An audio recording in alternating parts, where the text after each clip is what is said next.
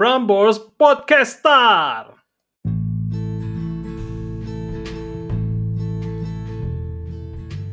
Oi randomers, stay tune di tempatnya para randomers yang suka sama topik-topik yang ajaib-ajaib tanpa arah dan tujuan. Bersama gua Rio, Dewa Random yang setia menemani Anda.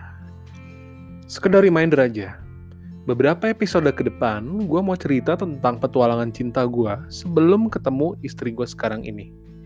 Banyak banget beneran, banyak banget harus segera gue dokumentasikan karena kisah-kisah petualangan itulah kisah-kisah petualangan masa lalu ini yang bikin gue menjadi seperti sekarang ini. Makanya, kalau putus, sedihlah secukupnya. Tapi dokumentasikan kisah-kisah itu dalam hidup kita. Menarik, serius, kalau lu revisit lagi kisah-kisah itu. Oh anyway, lu boleh cerita kalau lu punya cerita-cerita yang asik tentang kisah cinta lo ke WhatsApp gua atau DM gua di IG silahkan ketik aja nanti gua bantu bacain kisah cinta unik lo, oke? Okay? Ya, jadi sekarang gua mau lanjut ke kelas 5 SD.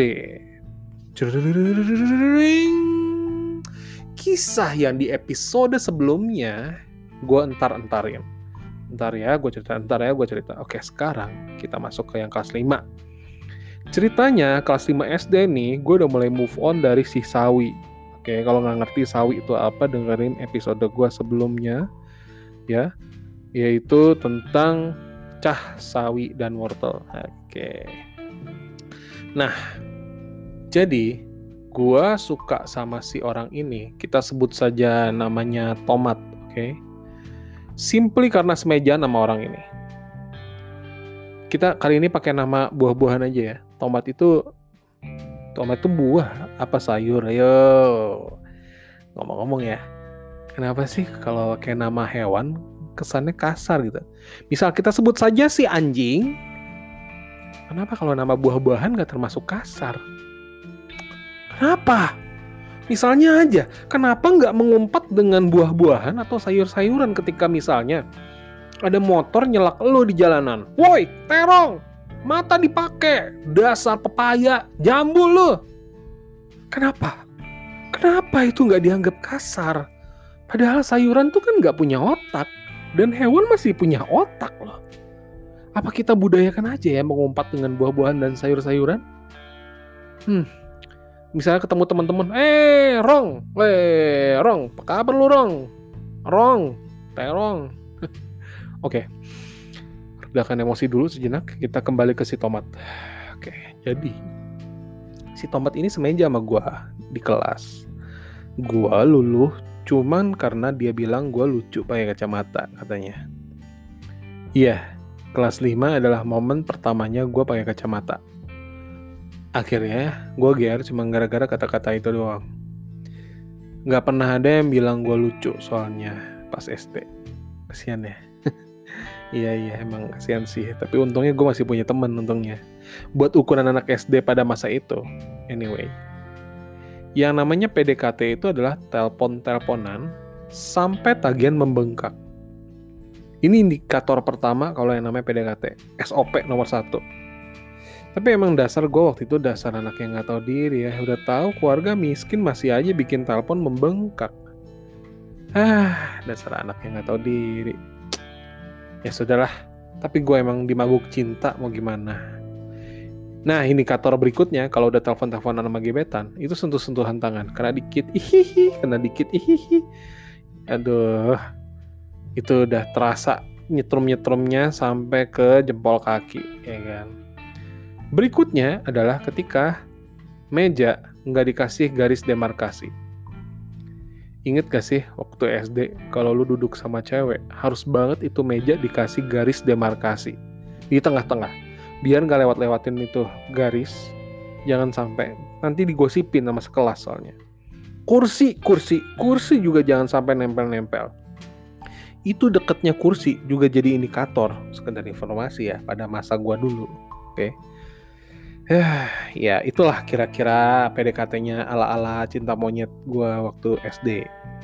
sama si tomat. Nah, sebagaimana anak-anak ababil yang pada umumnya suka impulsif gitu, maka gue waktu naik ke kelas 6 SD di suatu hari yang cerah, gue yakin banget, kayaknya ini saatnya gue memutuskan untuk menembak dia. Akhirnya, gue ngomong deh, dengan segala kemampuan yang cetek dari anak bocah dalam menyusun kata, yang gue tulis di dalam sebuah surat. Ya elah surat ya iya gue cemen itu sampai akhirnya pakainya surat aja lah nembaknya lah. Deg-degan parah gue kalau ngomong udah nyoba gitu ya. Eh, eh tomat gue mau ngomong sesuatu sama lu. Apa? Apa yo? Gue lidah gue kayak tiba-tiba kena bius gitu ya. Jadi tiba-tiba hilang aja mau ngomong apa nggak tahu. Itu kayak momen di mana seluruh fungsi lidah hilang. Mungkin mirip kayak kalau kita lagi presentasi pas sidang. Nggak bisa aja ngomongnya adalah mungkin kalau sidang ide bagus juga ya, nulis aja surat. Dan tahukah Anda, dia butuh waktu untuk menjawab, gitu katanya.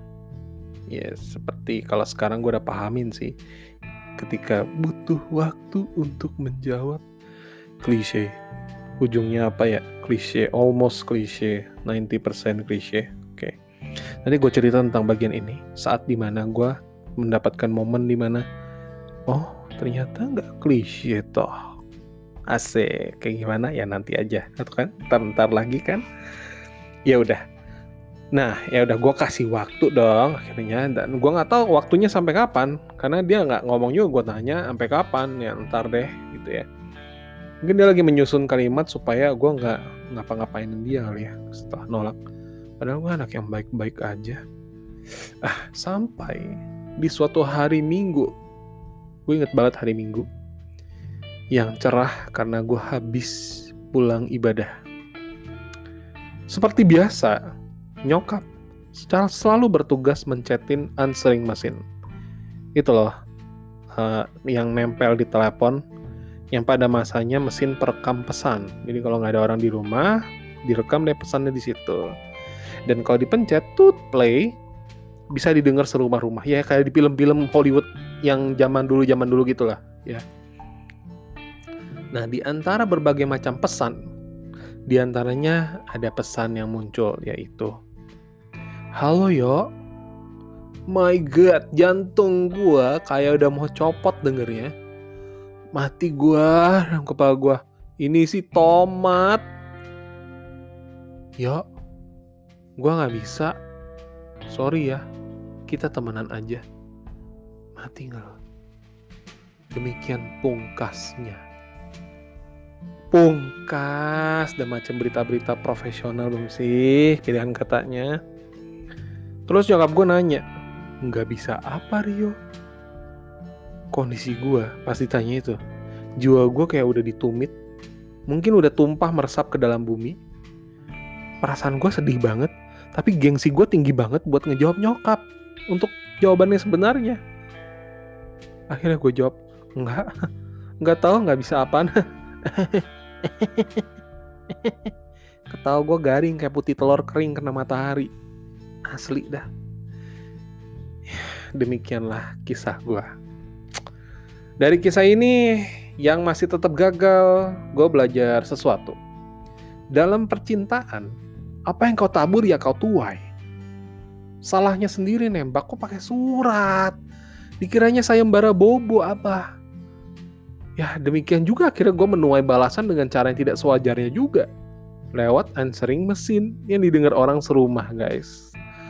Eh, sekian dan terima kasih.